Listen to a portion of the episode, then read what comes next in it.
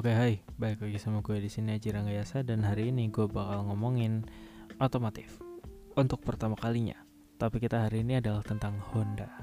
Ya, pabrikan yang satu ini udah cukup memiliki tempat di hati masyarakat Indonesia karena merek yang satu ini sudah mulai merentangkan sayapnya ke pasar Indonesia sejak tahun 1960-an. Tapi emang apa sih alasannya?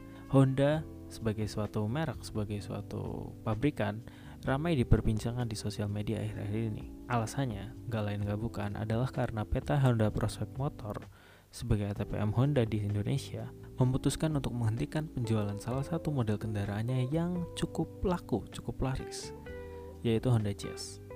Ya, produksi Honda Jazz sudah dihentikan sejak Februari tahun 2021 dan seluruh unit yang tersedia di dealer resmi Honda juga sudah pulang ke rumah pemilik barunya. Artinya apa? Artinya kalau Anda ingin membeli sebuah Honda Jazz di tahun 2021 semenjak bulan saya merekam ini bulan April atau di tahun-tahun depan, maka Anda harus mencarinya di pasar mobil bekas. Segmen pasar mobil yang ditinggalkan Honda Jazz akan sangat sayang apabila ditinggalkan kosong begitu saja. Maka dari itu, Honda mengambil inisiatif untuk memasukkan Honda City Hatchback ke dalam segmen pasar tersebut untuk terus menyaingi rivalnya Toyota Yaris. Namun, mengingat masih banyak peminat akan Honda Jazz, harga bekas dari Honda Jazz itu sendiri kemungkinan besar tidak akan turun dalam waktu dekat. Malah kemungkinan, harga dari Honda Jazz itu sendiri akan terbilang bertahan.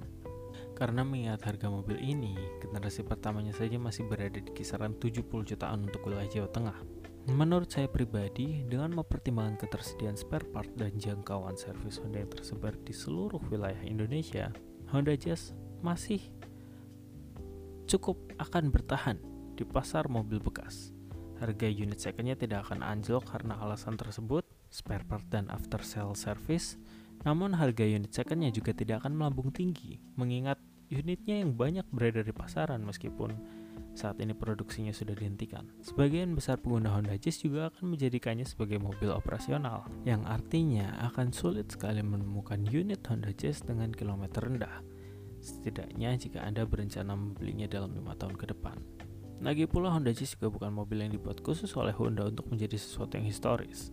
Jadi untuk pemilik Honda Jazz yang sudah memilikinya untuk beberapa tahun, tidak usah khawatir tentang pemberitaan ini karena sekali lagi jangkauan servis Honda yang banyak tersebar di Indonesia, ketersediaan spare part yang melimpah dan after sales service yang tergolong dapat dijangkau di mana saja. Dan untuk pembeli Honda Jazz generasi terakhir, pakailah mobil kalian selayaknya mobil. Tidak perlu segitunya memikirkan tentang kilometer yang akan bertambah karena harga dari Honda Jazz itu sendiri sudah memiliki pasarnya di Indonesia. Jadi harga unit kalian tentu akan mengikuti harga pasarannya. Sekian nama saya Ji dan adios.